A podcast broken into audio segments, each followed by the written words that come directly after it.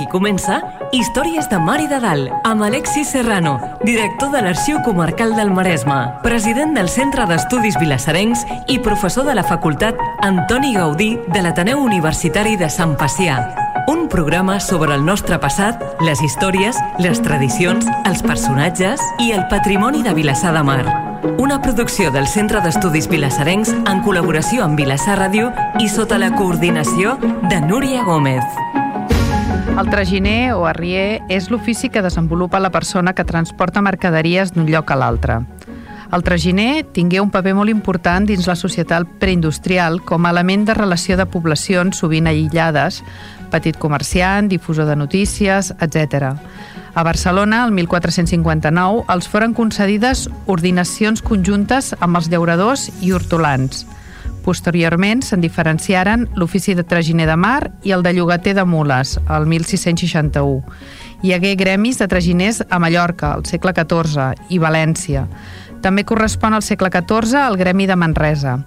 A Mataró es desenvolupà al segle XVIII un gremi de traginers i carreters, que obtingué una certa victòria jurídica sobre les pretensions dels llogaters de mules de Barcelona. Avui, a Històries de Mar i de Dalt, parlem de l'ofici de traginer i del gremi i la confraria que a Mataró agrupava els seus membres.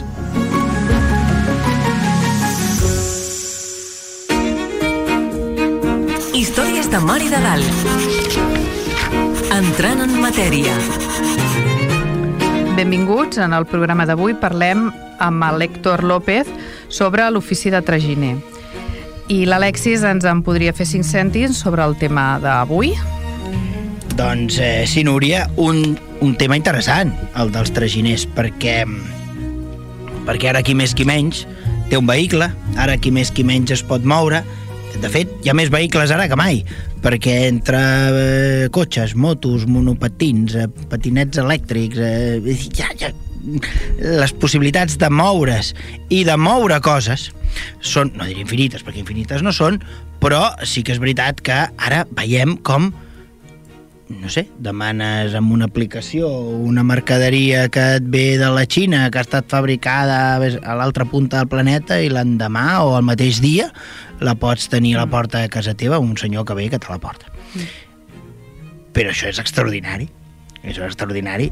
En èpoques pretèrites les coses trigaven, s'havien d'encarregar, s'havien d'enviar eh, cartes, se, les cartes es havien de moure, eh, qui les portaven eren, ja hi som, els traginers, el que portaven el correu, el, el, a partir d'un cert moment, quan ja hi ha l'administració de correus, hi haurà gent que es dedicarà a moure cartes, però cartes que es mouen a la velocitat eh, anant ràpid d'un cavall, anant de normal sobre un pollí, eh, anant encara més normal eh, a peu. I a partir d'un cert moment també en bicicleta. Però llavors ens imaginem que els ritmes de tot plegat, de moure la informació i de moure mercaderies i de moure's de la gent era infinitament menor que el d'ara. No, algunes reflexions que podem fer, si ens imaginem un món sense cotxes, si ens imaginem un món sense tren, si ens imaginem un món sense autobusos, eh, sense empreses de mercaderia, doncs eh, està clar que l'accés de la gent a elements, eh, fossin matèries primeres, fossin manufacturats, fossin semielaborats, doncs era molt menor. Per tant, les coses tenien un altre preu. Les coses valien molt més. Sí i duraven infinitament més cara perquè sí, eh, tot, tot no era tan fàcil gairebé, de tenir gairebé tot es feia mà i les coses duraven, estaven fetes per durar sí. estaven fetes per comprar-les un cop a la vida i a ser possible que les puguin gaudir els meus fills, els meus nets, els meus besnets no? i doncs en una època on no hi havia res de tot això doncs eh, les persones que es dediquen a moure altres persones o a moure mercaderies doncs tenen un paper crucial. Ja sabem que en èpoques pretèrites la gent no es movia massa. La gent acostumava a anar, doncs jo que sé, els pagesos anaven al mercat de, de dos o tres pobles més enllà. Els nostres pagesos acostumaven a anar a Granollers, al mercat de Granollers, no sé per què, però tenien més tirada d'anar al mercat de Granollers que no pas al de Mataró. En fi, la cosa una mica anava així. Bé. Però, però ha sigut així fins a l'època dels nostres avis però més enllà de Granollers, de Granollers els vilassarencs no tenien massa tendència a anar mm. i anar a Barcelona a partir de que hi hagi ferrocarril, bé però per anar de Barcelona a, a Vilassar en època preferrocarril volia dir que havies de destinar unes 4 o 5 hores de mal viatge i d'anar i 4 o 5 hores de tornar, per tant no era massa usual d'anar-hi. Per tant, quan hi anaves un cop l'any, si és que hi anaves, l'any que hi anaves, doncs aprofitaves per fer tot el que havies de fer, si havies d'anar a fer un recado, no sé què, de... però la, la gent es movia relativament poc. Eh, en tot aquest en tota aquesta situació ens podem imaginar que la gent es movia molt poc, eh, que es movia a distàncies relativament eh, curtes, però no només ens hem d'imaginar això, sinó que al marge d'això ens hem d'imaginar que almenys fins al segle XIX aquesta nostra comarca mm, es, cada vegada és més poblada, cada vegada hi viu més gent. És a dir, Mataró és una, una vila que esdevé ciutat al segle XVIII, però que té un creixement continu des del segle XVII fins als nostres dies, uh -huh. eh, imparable, de fet imparable, eh, arriba a ser la principal població, eh, és a dir, mm, al marge de Barcelona, la segona població més poblada, fins que l'ha de passar a Reus, etc etc. però mm, des, des del Tractat dels Pirineus que Perpinyà queda fora de, del territori del Principat, Mataró, Mataró serà la segona ciutat en nombre d'habitants. Però és que hi ha una comarca poblada, molt poblada, que veiem uns veïnats de mar que van creixent al segle XVIII, al segle XIX, ja no diguem al segle XX. Bé, mm, quan els britànics eh, els hi arriba el projecte a fer el ferrocarril, veuen que entre Barcelona i Mataró hi ha 200.000 persones, mm. que és una de les zones més densament poblades del Mediterrani occidental i diuen aquí hi ha un gran business, hem de fer un ferrocarril.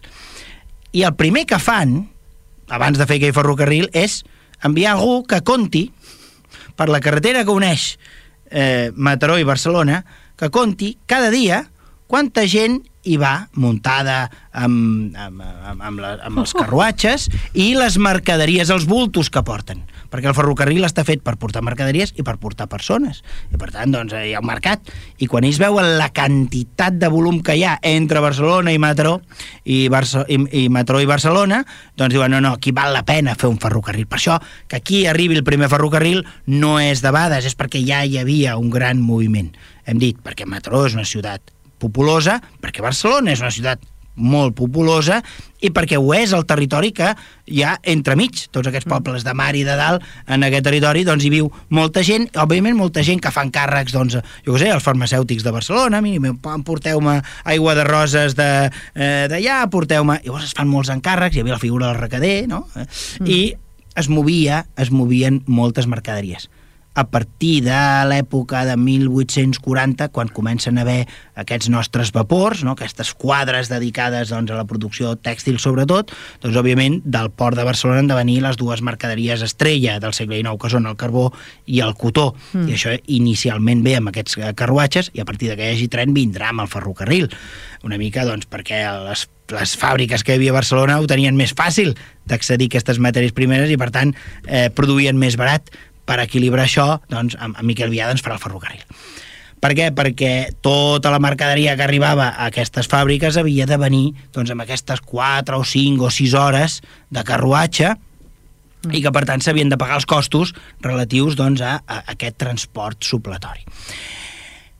Per tant, nosaltres veiem com en època preindustrial entre aquest territori, aquest territori que va entre Barcelona i Metró, doncs relativament hi havia poca gent, relativament hi havia poc moviment, però hi havia prou moviment com per justificar doncs, la gran inversió que, que és la de fer el primer ferrocarril. Avui per parlar de traginers i per parlar d'aquest ofici i de, per, per parlar sobretot de la, del, del gremi i la confraria de traginers eh, de Mataró, eh, doncs tenim una persona que jo diria que és l'única persona que ho ha estudiat, no? De moment. De moment, que és l'Héctor López. Històries de Mar i de Dalt. Coneguem el convidat. L'Héctor López és historiador, professor d'Història a l'Institut Miquel Viada de Mataró i membre del Museu Arxiu de Santa Maria.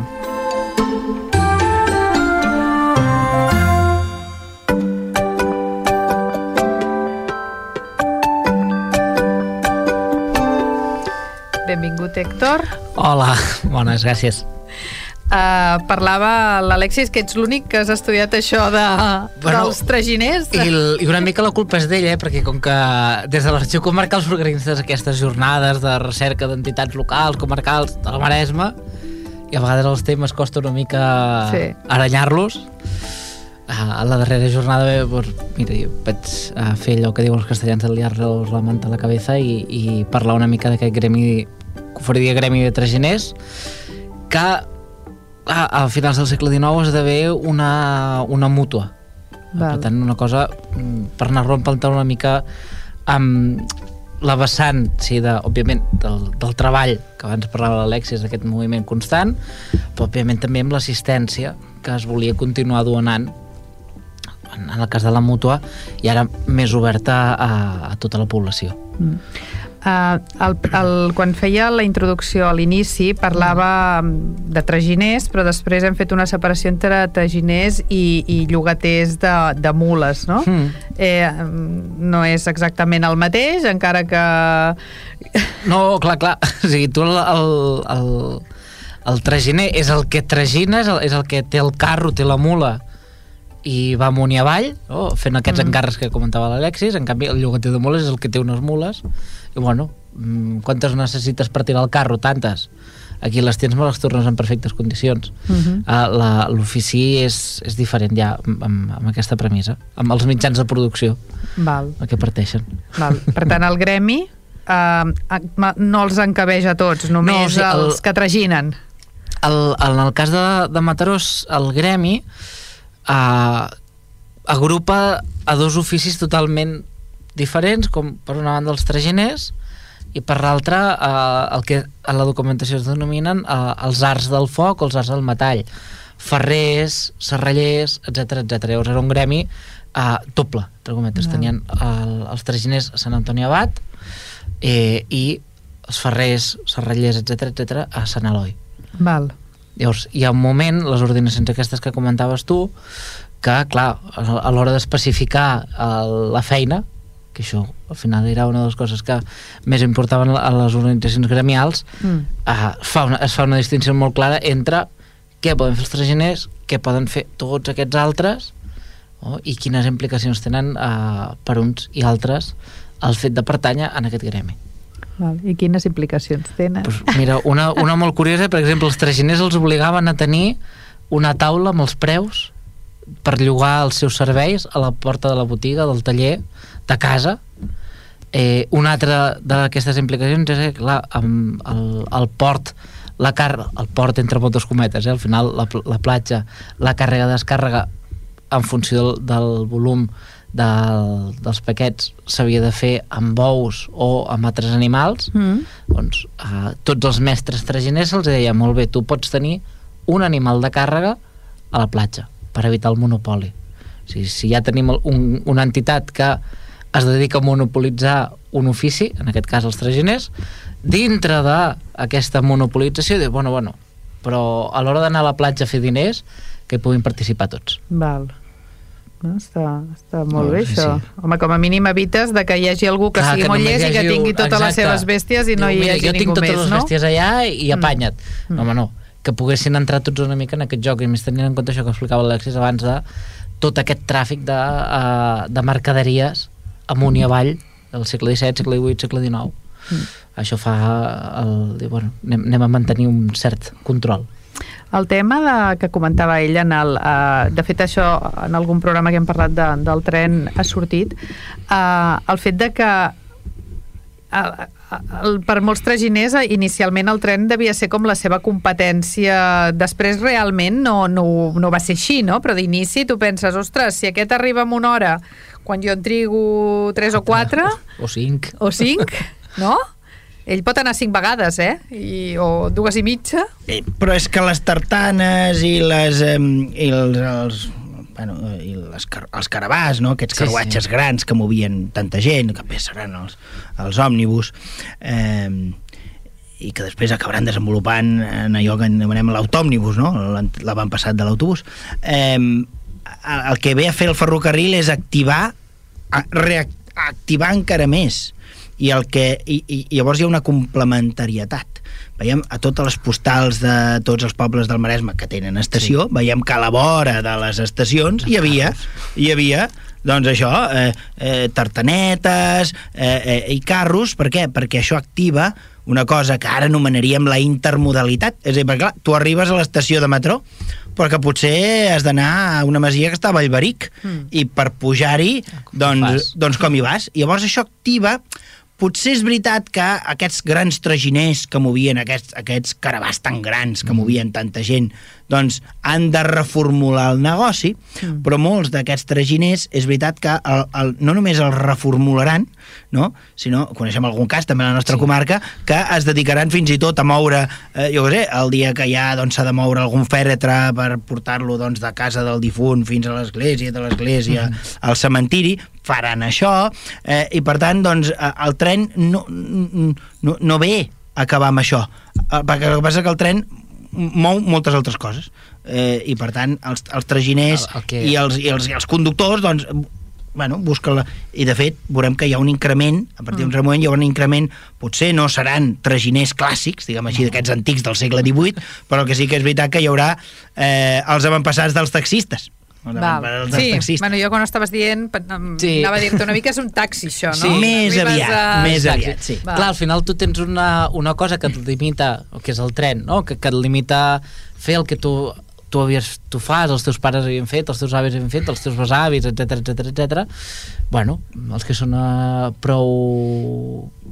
Espavilats. Espavilats, uh, culs inquiets, mm. s'espavilen i diuen, bueno, doncs anem a veure amb aquesta oportunitat que és el tren, anem a diversificar-nos, el que comentava l'Alexis, no? de, de casos de traginers que esdevenen taxistes mm. o eh, conductors de carros fúnebres o eh, jo recordo no, quan, quan estàvem fent la jornada el cas d'un un, una de les que, el Xavier Mas sí. que explicava que la seva família els seus avantpassats havien estat traginers i en un moment se'n van a Marsella a comprar un cotxe ah ja, diuen, ja la diversificació la... total ja mm. deixem el carro de banda mm. i passem a l'automòbil una major comoditat exacte cal dir una cosa que quan la companyia ferroviària arriba a aquests municipis indemnitza els traginers d'aquests municipis. Ah. Perquè, perquè saben que és una competència directa Val. i clara, i la companyia fa, podent no fer-ho, però una companyia privada podia mm. no fer-ho, però en canvi la, la companyia paga aquestes indemnitzacions. Podem veure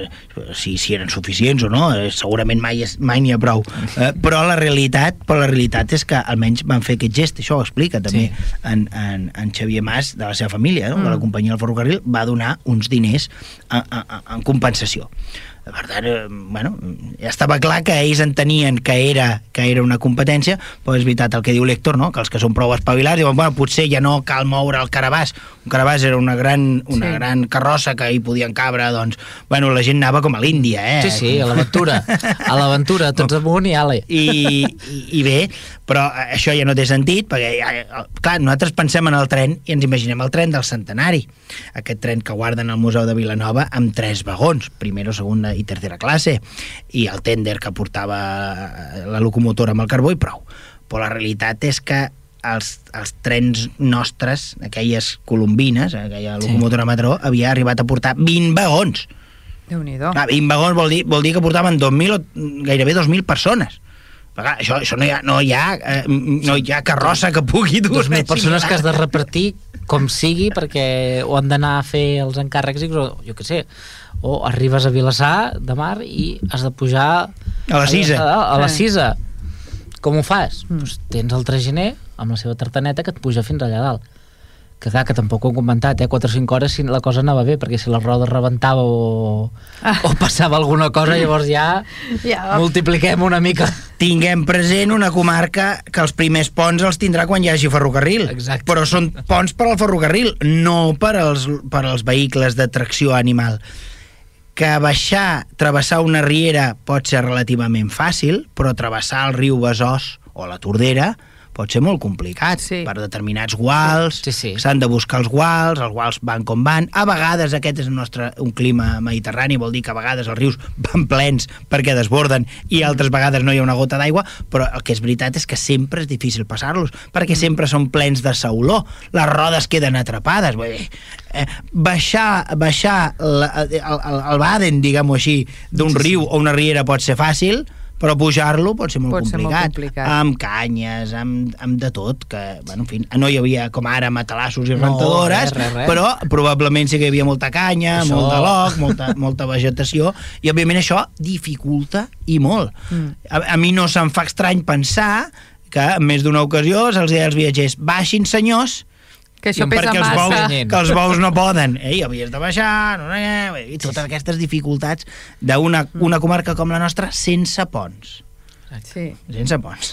Clar, és que ens, de vegades en pensem amb l'actual, amb la nostra situació actual i, i el segle XVIII i als tirem carros, enrere i eh? ostres, ostres, Clar, què passa? no, no S'ha de fer com aquests programes que fan en aquests Sí. documentals d'història, no? que diuen Desmontando. Eh? Has, de, has de començar a treure. Treure coses. Sí, sí, sí, I llavors et clar. quedes només amb el terreny i d'aquella manera... D'aquella manera, no? Però bueno, No, no, no. Doncs és, Sí. és... I després un altre tema, que és que per moure... Això val per al segle XVIII, val per al segle XIX, Sí. val per al segle II abans de Crist. És a dir, tota aquesta mobilitat implica que ha d'haver uns llocs on eh, ha d'haver un lloc per intercanviar animals, per refrescar animals, per abeurar animals, per alimentar els animals. que deuen ser les fondes. I llavors hi havia fondes, hi havia Exacte. establiments concrets on es feia el canvi d'aquests animals, etc etc. Per exemple, el correu. Quan passava el correu, el correu a cavall, doncs hi havia uns llocs on s'havien de canviar els cavalls. No? Jo ara estava pensant en les pel·lícules de l'oeste, on van amb el cavall, que el Per deixen exemple, i agafen un, és- és un altre cavall. és que és l'exemple típic, no? I, Sí. i, i tots allà a la, diligen- a la diligència diligència. apretujats Sí, i... sí, sí. Doncs això era l'oeste. Exacte. la nostra versió de l'oeste, eh? La Vale. nostra versió. Ara ho traslladem aquí sense indis, no? Bueno, amb bandolers, no? Bueno, clar. O- ah, clar, perquè aquest Sí, era un altre... sí, sí, sí. És un altre tema, el tema dels bandolers, si no són eh? bandolers, són invasors varios, i si no carlins, i si no... Exacte. Qui, qui faci falta. Bueno, No, no, aquí hem tingut molts ingredients, vull dir, no ens en falten. Per fer pel·lícules eh, rotllo western eh, ens sobren els ingredients, sí, sí. Falta el pressupost. fins al segle XVIII no comencem a Mataró o al Maresme Mm. a tenir... Perquè el gremi és de Mataró o és del Maresme? No, el gremi és de, eh, és de Mataró. De Mataró. Sí, sí, sí. Amb sí, els sí. altres els deixem de banda. Bueno, és com sempre, no? El, el... Sí que hi ha el gremi que té la seva jurisdicció natural, que és el, el nostre cas Ma- Mataró. Mm.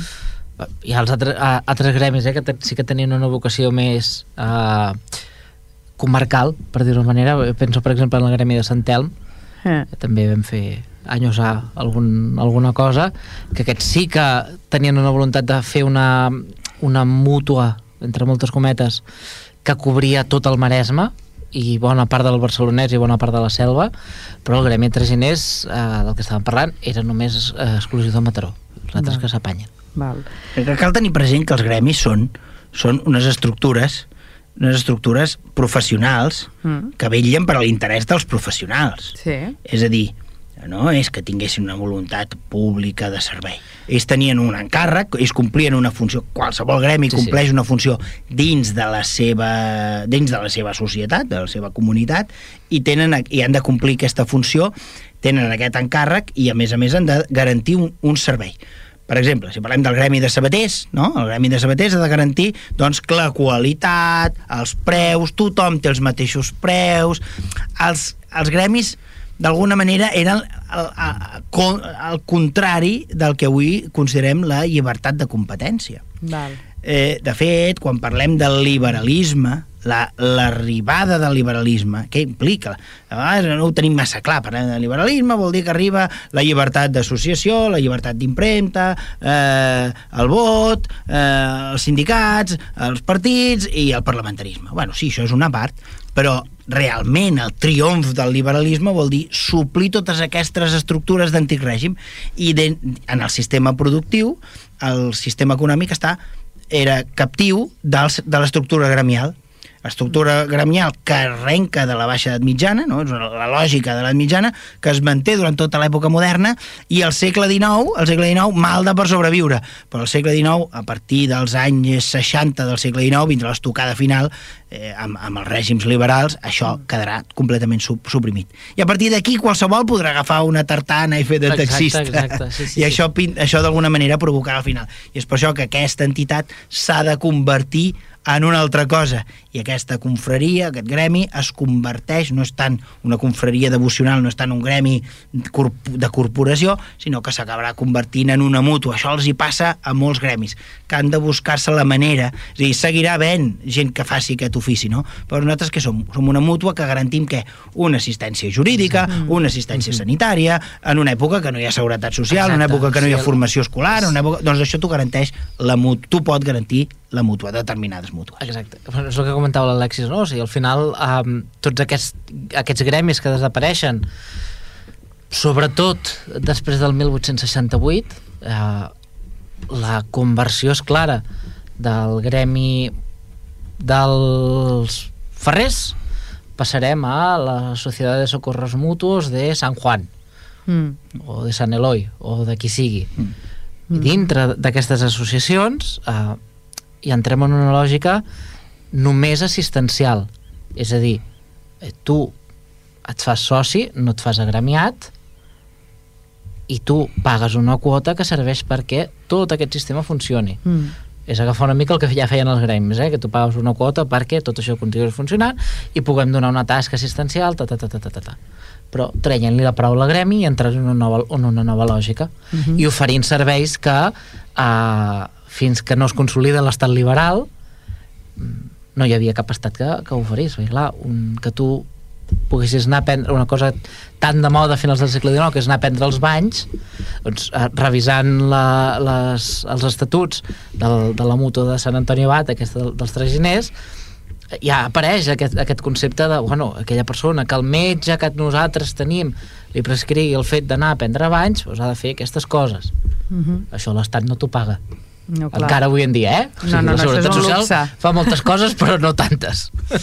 Eh, De fet, això ho tenien, eh, moltes d'aquestes mútues o Montepios, no? Eh, ho tenien, però que estava de moda això, anar a prendre les aigües.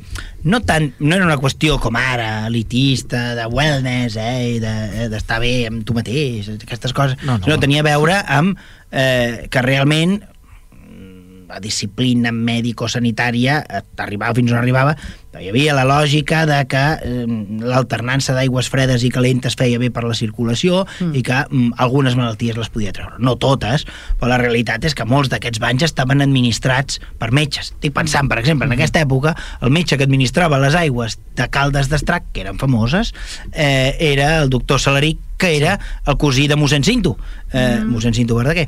I, mm, I, per tant, anar a prendre les aigües no és una qüestió de, bueno, mira, va, vaig a fer la vacança, com van molta gent ara va al No, no. balneari a fer-se la vacança, sinó més aviat anaven doncs, a recuperar-se.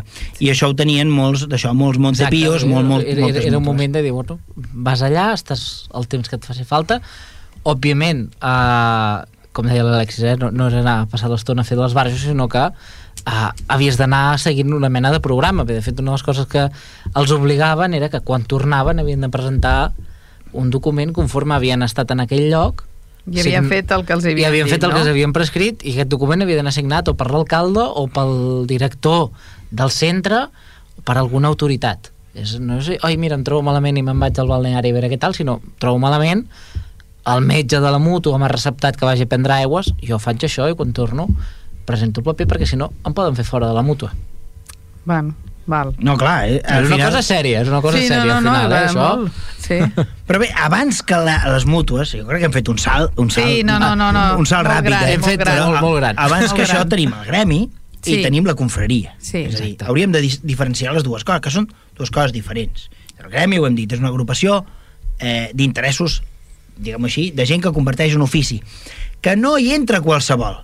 Bé, una persona que s'ha d'examinar, ha de demostrar que té les aptituds, que és una persona, doncs, eh, els valors de l'època eren uns altres, no? que moralment doncs, fos... És de moral cristiana, eh, això és una cosa que sempre apareix. Sempre ha moral cristiana sempre, eh? I Sempre. després hi ha la, diguem-ho així, la, la congregació religiosa, no? És a dir, la confraria. Sí. La confraria són dues coses... Són separades, però alhora són complementàries? Pregunta. És bona, és bona aquesta, eh? Clar, el, el, jo crec que el problema està en que moltes vegades es fan servir com a sinònimes. Però no. Eh? Però no ho són. El gremi, recordem, és, com deia l'Alexis, una institució que hi ha un ofici al darrere sempre, Sí? sí que és una institució que després eh, un cop l'any fa la festa patronal es preocupa pels seus morts per recordar-los, etc etc etc. En canvi, una cofradia sempre neix amb la vocació religiosa al darrere és a dir, eh, els tres que estem aquí asseguts en podríem apuntar a la cofradia de la Mare del Roser sense cap mena de problema Ah, sí? sí, per què no? És una cofradia que està oberta a tothom Sí. Val.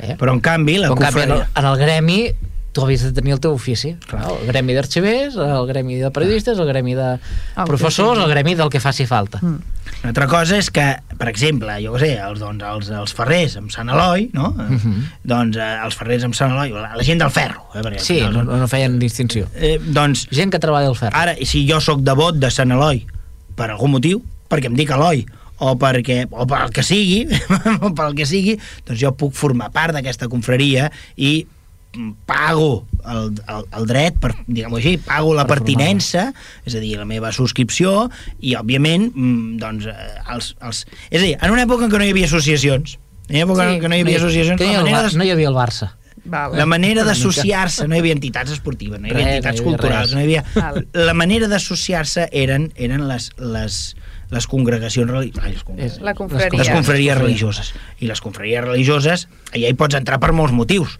Mm. Pots anar perquè hi han dos que són amics teus i et diuen Exacte. apunta't.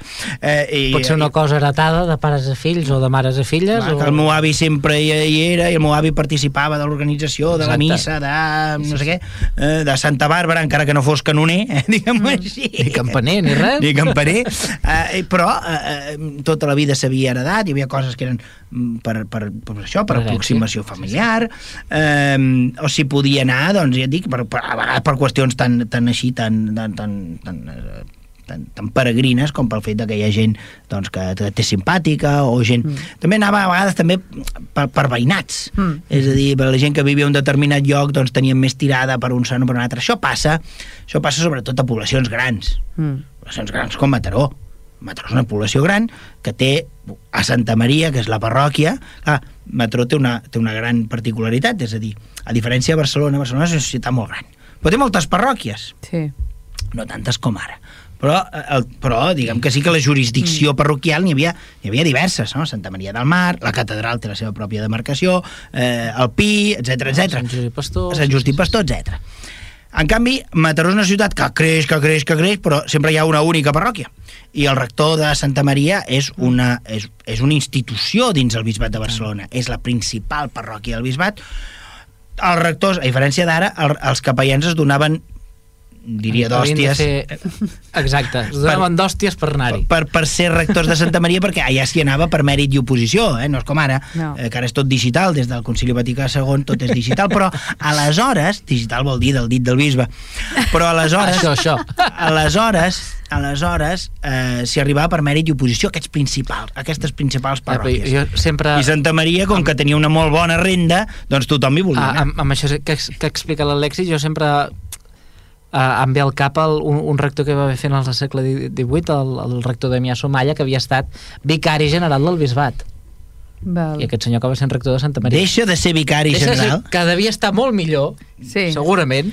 perquè arribar a Santa Maria implica una, una quantitat de capellans beneficiats, no? Sí, els beneficiats vol dir que són capellans que prenen un benefici i que administren doncs, jo sé, doncs, el- els, els oficis d'una determinada capella, etc etc. Després, una quantitat d'associacions, que són això que anomenem, Sí, sí. aquestes, aquestes um, confraries, gremis. que arrosseguen moltíssima gent, Mhm. i sabem que gent igual a problemes, Mm. eh, perquè, Sempre. perquè tothom Sí. té les seves manies, etc etc. I, I per l'altre costat, doncs, l- l- tota la problemàtica derivada doncs, de l'administració dels sagraments en un territori on hi ha una única parròquia, però on, a més a més, hi ha una, uns certs convents o monestirs que, amb els que també doncs, la gent doncs, té dret a anar-se a enterrar, etc etc Sí, i sí. naixen moltíssimes disputes entre els drets de sepultura, els drets d'exèquies, etc etc.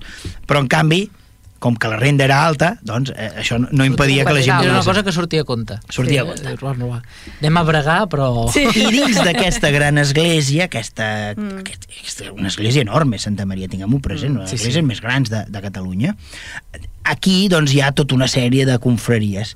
I, és, i d'alguna manera, Mataró, sense ser una catedral, d'alguna manera catedralejava.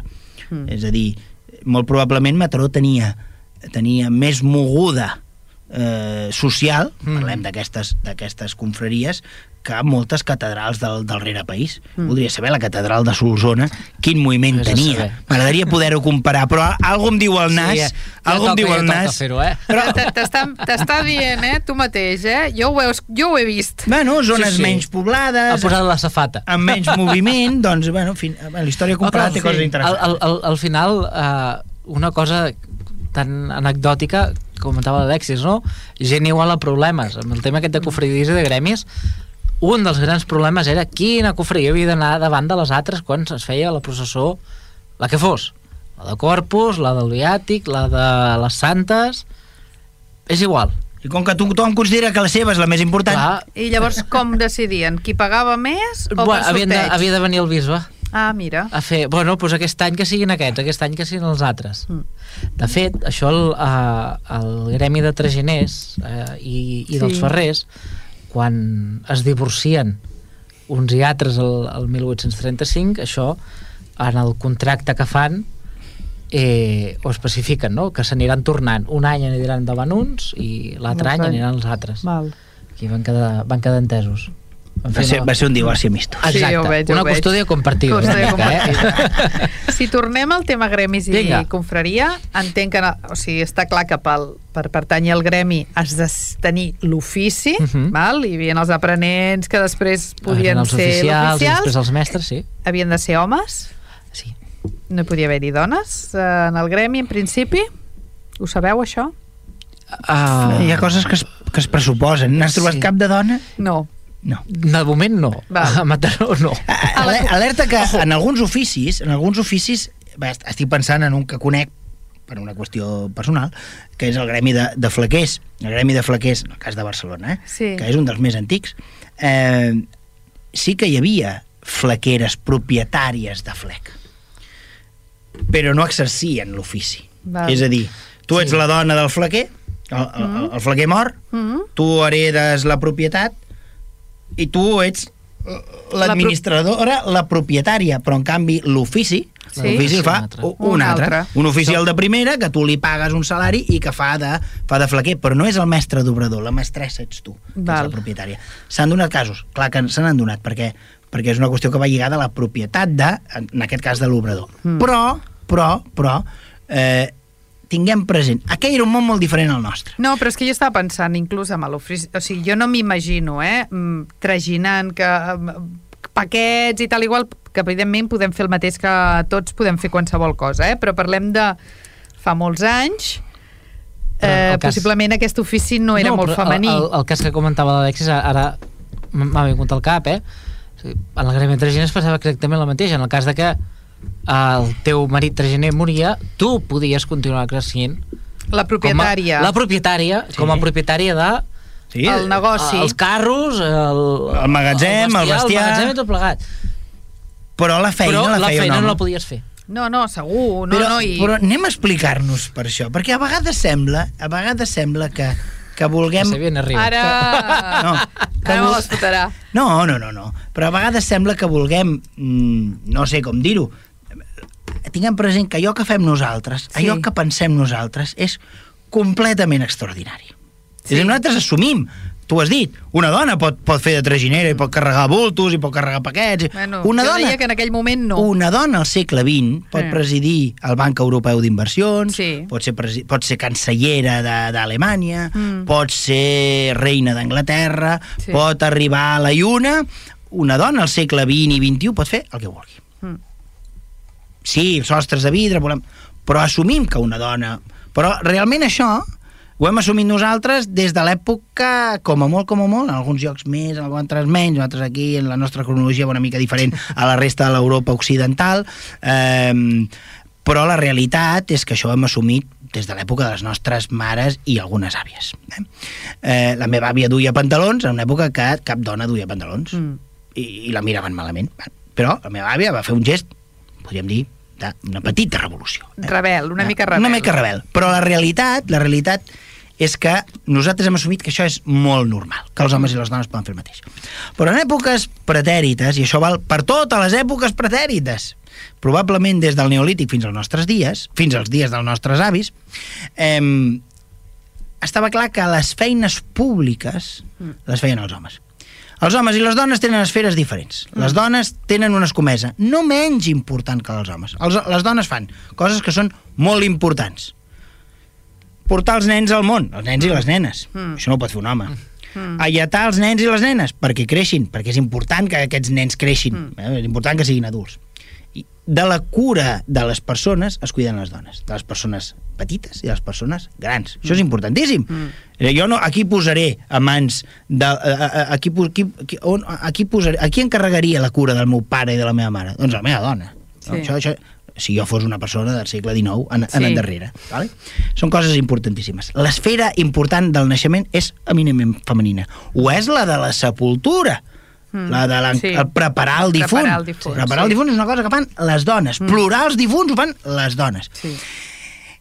I els homes es cuiden de les tasques públiques. Les tasques públiques quines són? Les del mercat, Mm. les dels oficis, les de la feina, les de la feina de portes en fora, perquè ens entenguem. Al camp la cosa es desdibuixa una mica, Sí. però sobretot a ciutat, ciutat. als pobles, les, els, actes, els actes públics i jurídics els fan els homes, els notaris són homes. Què més públic que ser alcalde? Doncs ho són els homes. Què més públic que ser capellà que predica a les masses? Això ho fan els homes. Sí. No ho fan les monges.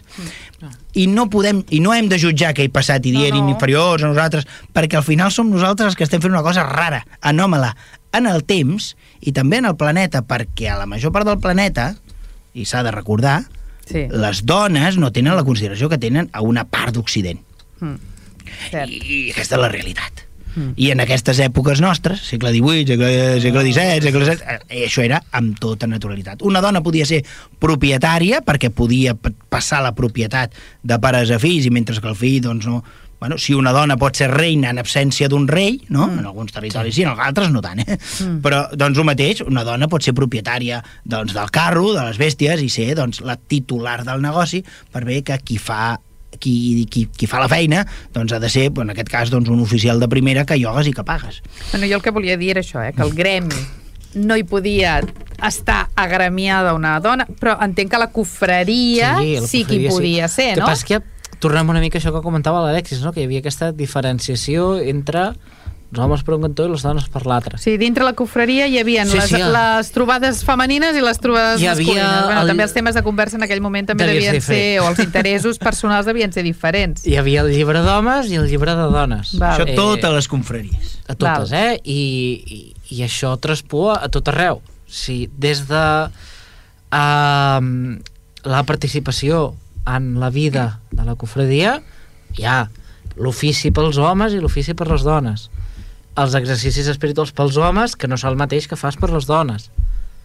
La participació en qualsevol processó que es feia fora de les, de, les que marcava la litúrgia, eh, Setmana Santa, Corpus, tal, també estava molt diferenciada. Els homes anaven davant, les dones anaven darrere. Mm.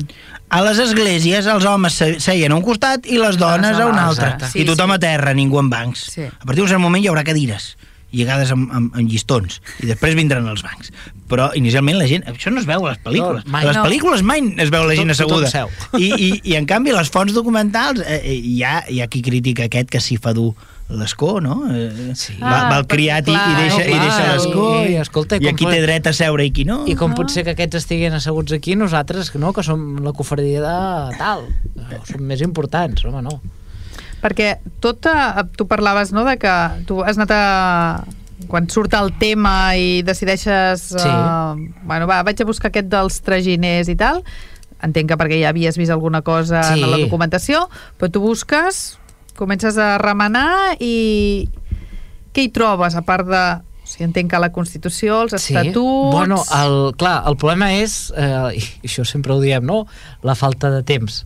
Sí. que al final el, el, aquí el que hi ha són els estatuts del 1790 recordem, per tant finals del segle XVIII per tant, eh, ja havien passat el furor eh, il·lustrat de Carles III recordem que Carles III i els seus ministres arriba un punt que diuen, bueno, anem a endreçar tot això de les cofradies um, a través de l'expediente general de cofradías i hermandades i desapareixen per real decreto moltes d'aquestes entitats Mm. eh, i totes les que volen continuar han de demanar permís, han de renovar els estatuts i tot plegat i després eh, han estat com tres bolets el bolet d'aquestes ordinacions eh, el bolet del divorci amistós entre els eh, traginers i els ferrers i finalment eh, els estatuts de la, de la mútua de Sant Antoni Abat Mm -hmm.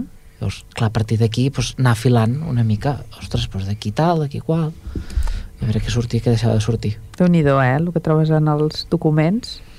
Bé, és curiós perquè clar, són tres moments, diguem així, de canvi. Sí. I això és el que fa, això és el que permet explicar una història, perquè Mm. la història un, un la construeix a base de, de continuïtats i discontinuïtats. Mm. Llavors, aquí tenim tres períodes, més o menys, diguem-ho així.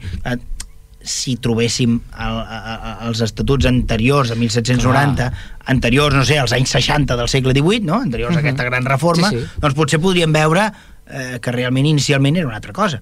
O, o, però eh, quan tens els documents, els documents et permeten eh, es, arribar fins on arribar. A partir d'aquí pots especular. Mm. I pots inventar, i pots I posar literatura... exacte. Però, ser molta això ja és menys història, eh? Exacte. Mm. Però llavors aquests estatuts tu Sí. els has trobats, però no saps si potser n'hi ha algun d'anterior? Ah, a veure, segura, o... segurament existeixen un- uns anteriors. Quan es funda la cofradia? No ho sabem. No ho sabem. Segle XVI, segle XVII, segurament. Més, més, més que res una mica per... per el gremi, perdó, eh? Mm. Uh, més que res una mica per, per coneixença de les altres estructures gremials prèvies que més o menys totes sorgeixen això, als finals del segle XVI, començaments del XVII. Per tant, tens feina per anar buscant a veure si ho trobes, sí, eh? Sí, sí, sí. Val. Si, ens- si ens deixa Sí que et deixarà, el sí. Serrano. Perquè, exacte, els té ell, aquests documents? No. No. Ah, estan no, no, al no, Museu o sigui, Arxiu. Sí, Val. o, no Bueno, està, o no estan enlloc. o no estan enlloc. Bueno, els que estan on estan? A veure, els que tenim ara a la base, que, que han estat a la base de- d'aquest estudi, és els estatuts del 1790, que estan al Museu Arxiu, els reglaments de la Societat de eh, Mutualista de Sant Antoni Abat, que també estan al Museu Arxiu, i aquest divorci, en tot divorci d'intervenir el notari, per tant, eh, aquí sí que a l'Arxiu Això sí. Comarcal del Maresme, El divorci el tens tu. el divorci el té De la ell, documentació notarial, sí. de la documentació Val. notarial, sí, sí, sí. sí. Val, val, val, val, val. que és el divorci... Eh, val. bueno, per tant, amistós. hauries de buscar en el Museu Arxiu, hauries de dedicar-te a... El Museu Arxiu, el fons notarial que es custodia a l'Arxiu de la Corona d'Aragó, a l'Arxiu Diocesà de Barcelona, que segurament també alguna cosa podria arribar a sortir, sempre tenint en compte eh, els atzars que ha passat la documentació en el nostre país, eh, eh, guerres, de destruccions vàries, eh, mm. recordo el Benet Oliva eh, ara fa poc a la sessió d'estudis meteorològics que explicava que clar, que el, la documentació de l'Ajuntament de Vilassar de Dalt amb una de les carlinades que hi ha al segle XIX desapareix completament. Mm. Que som, eh, de macos fent desaparèixer coses. Bueno, som, som mediterranis, al fons. Sí. Això, de, això de jugar amb el foc ens agrada molt i... Sí. Jo he de dir una cosa, aquest és un altre tema, però, però la major part de la destrucció del nostre patrimoni documental no s'ha fet a l'abric de guerres i de... És a dir, el més sonat sempre és una guerra, un incendi, Mm. mm. però la realitat és que la major part de la documentació es perd cada dia. Amb Sí. una gotera, I amb tant. una, unit, una humitat, amb un, amb un trasllat, amb un, Mm. i la major part d'aquesta documentació es perd la major part de la documentació que hem perdut en el país s'ha perdut així, sense massa pena ni glòria. Perquè si tu dius, bueno, és que jo va ser, van venir un exèrcit i tal, I va te resignes, o què sé, però la major part de la documentació no s'ha perdut així. Eh, s'ha perdut per deixadesa dels seus propis eh, Usuaris, tenidors. sí, sí. Que trist, Eh, això. Bueno, són aquests calaixos que queden allà amagats a casa de l'avi i ningú sap què és això. I un dia ve el rapaire, s'emporta la calagera Exacte. i tot va norris. Eh. Sí, sí. Això és el que explica que molts pergamins s'hagin convertit en pantalles de làmperes i coses així. en fi. Reciclatge, reciclatge documental. Ostres, sí, O però pasta de paper, o pasta sí. de paper, perquè, O cobertes de llibres, eh? que això també... I a vegades sí, molts pergamins es converteixen en les cobertes d'uns llibres posteriors. clar. Exacte. Això és reciclatge dels mateixos, no? Sí, sí, sí, sí, Entenc? sí, de l'època. Eh. Sí. Qui ho explicava? Algú explicava de les cartes que feien servir, de les cartes que rebien, Sí. feien servir al darrere per, No. fer, per fer notes. Sí, sí. Bueno, Llavors... El paper era car, eh? El paper era car. Sí, no, entenc que no I el devia... pergamí, i el pergamí Més més. Oh, I clar. per tant era normal, eh? Mm. Que s'aprofitessin. De fet, els pergamins es raspaven, es grataven i es tornaven a escriure. Eh. Com des de típex el raspem. i- Sí, Clar, sí, sí, sí, una sí, mica de, una, s'encalaven un altre cop, una Sí. mica de calç, perquè deixar una mica emblanquinats, i, i això és el que s'anomenen els palimpsests, no? que tu pots llegir el contrallum, no? amb un Ok. llum ultra, ultraviolat pots llegir el document primer i el document de després. en fi, però no parlàvem d'això, No, estàvem jo parlant... estava parlant de la de l'ofici, documentació de- dels- i de l'ofici de, de traginer. Entenc, evidentment, que el gremi, mm, tu has trobat que és del segle XVIII, Mhm. però aquesta gent abans ja hi treballaven, per tant, Clar. segurament algun tipus d'associació, de gremi o Mhm. d'agrupació No, no, sí, ja hi el devia gremi ser. deuria ser interior, sí. El, el, el gremi és, és això que comentàvem, segurament és, és anterior, Mm. segle XVI, segle XVII. El que passa és que, clar, mm, al final, el que dèiem abans, arribes fins on arribes, la documentació et porta fins on, fins on et porta, i dius, bueno, mm, sí que és veritat que en, en ocasions, en, en aquestes ordinacions, els gremis, les confradies i tot plegat, a vegades sí que fan referència a, a estatuts anteriors. Mm. En aquest cas no, per desgràcia. Mm. És, comencen de nou, una mica com si diguéssim. Mm. Parlant del tema del, del, dels traginers, que és Sí. el que ens ocupa avui, uh, en aquesta, aquesta documentació que tu trobes en el segle XVIII d'aquest gremi de traginers i tal, hi ha algun llistat de quants traginers hi havien en aquell moment en actiu o, o, o, o censats o uh, agremiats o el que per, sigui? per desgràcia no el que sí que és veritat en el- en l'expediente general d'aquest de cofradies que Mm. comentàvem abans Mm. Que, que es va ordenar fer durant el regnat de Carles III sí que més o menys donen unes dades depèn de, de la persona que feia l'informe eh? Val. llavors en el cas, de, en el cas concret de Mataró 1771 hi havia 29 traginers Val.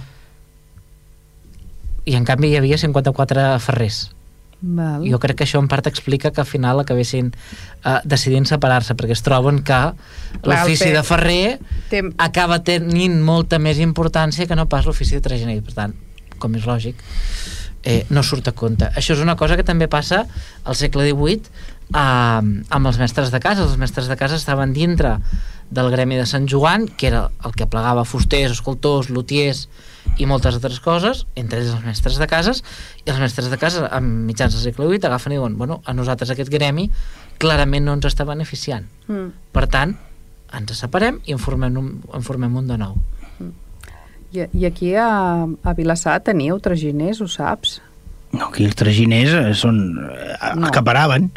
Nosaltres... Els que paraven i ja està, els Clar. que hi havia la parada del taxi, diguéssim, de la... sí.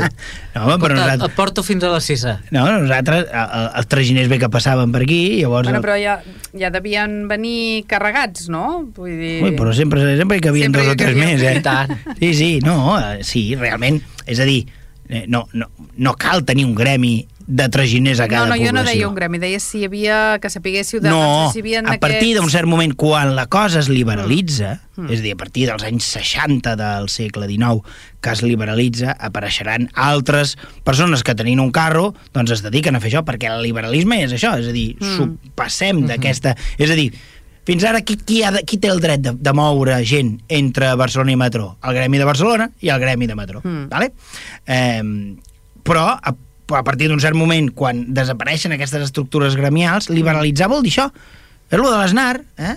lo de la Thatcher, vol dir que cadascú faci el que bonament pugui. Mm. Llavors, vol dir que si jo tinc un carro, doncs jo puc dir, "Bueno, mira, saps què? A partir de demà començaré a fer un servei eh, diari a Barcelona. Mm. Si algú té alguna mercaderia per portar, doncs jo la porto. Mm. I, i, i en naixeran. Tindrem traginers a partir del, de finals del segle XIX i durant el segle XX. El que tindrem més eh, aquí a Vilassar són traginers que treballen per fàbriques. Són Val. treballadors de fàbriques Mm. que el que fan és cada dia carreguen les, els rotlles de tela teixida, perquè bàsicament aquí fèiem tissatge, Mm. i carreguen, carreguen les teles i les porten cap a Barcelona. Val. Eh, es podien moure amb tren, però és, ah, com és, com no és, la realitat és que gairebé totes aquestes fàbriques tenien el seu propi traginer que portava, que portava les teles. Mm. Clar, si tu coneixes el traginer i has d'anar a Barcelona, doncs et vols estalviar el tren, són 4 hores, però bueno, també t'hi pots enfilar. I això, I això passava. Mm. De fet, també sabem que molts traginers anaven dormint, perquè el cavall sabia el camí. I tant. I s'explica alguna Sí, sí, anècdota sí, sí. d'algun vilassarenc, no dirà el nom, Sí. que quan passava el traginer amb el carro eh, de la fàbrica, agafaven el cavall, li donaven la volta i, Ah. el, i el cavall apareixia a Mataró, l'altre despertava a Mataró. Això ens ho han explicat gent que ho ha fet, perquè, perquè d'aquests traginers n'hi havien, però ja són traginers, diguem així, diguem així, moderns o contemporanis fora de la, Del de la cotilla gremial, és a dir, ja no eren gent que pagava per... Pagaran una altra cosa, que és, pagaran...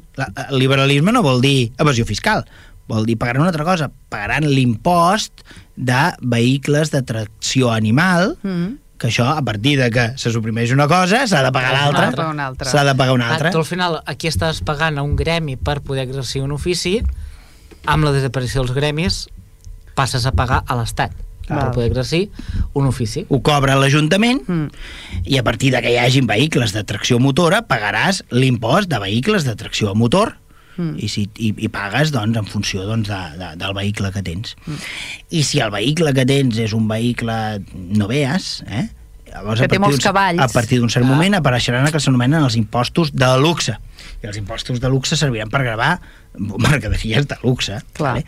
Eh, eh, forma part aquest, en aquestes petites coses mm. veus el pas i els el sentit, no sé si, si és la paraula, no? però mm. el pas mm, i l'impacte de la història. Mm. No?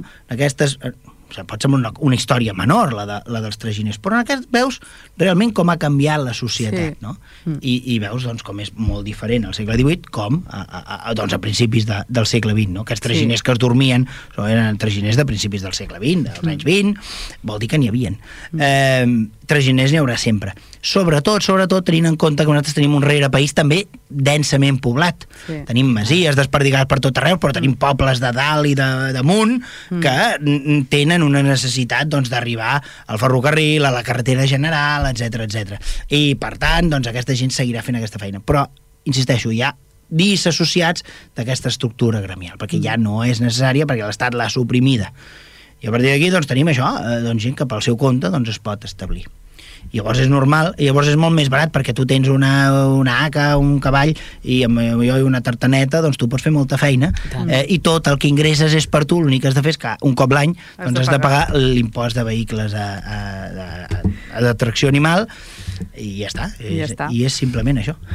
Molt bé, doncs no sé si hi ha alguna coseta que vulguis dir perquè se'ns que- ha acabat el, Jo crec que hem temps. tocat tots els pals de la roda. Eh que sí? Eh?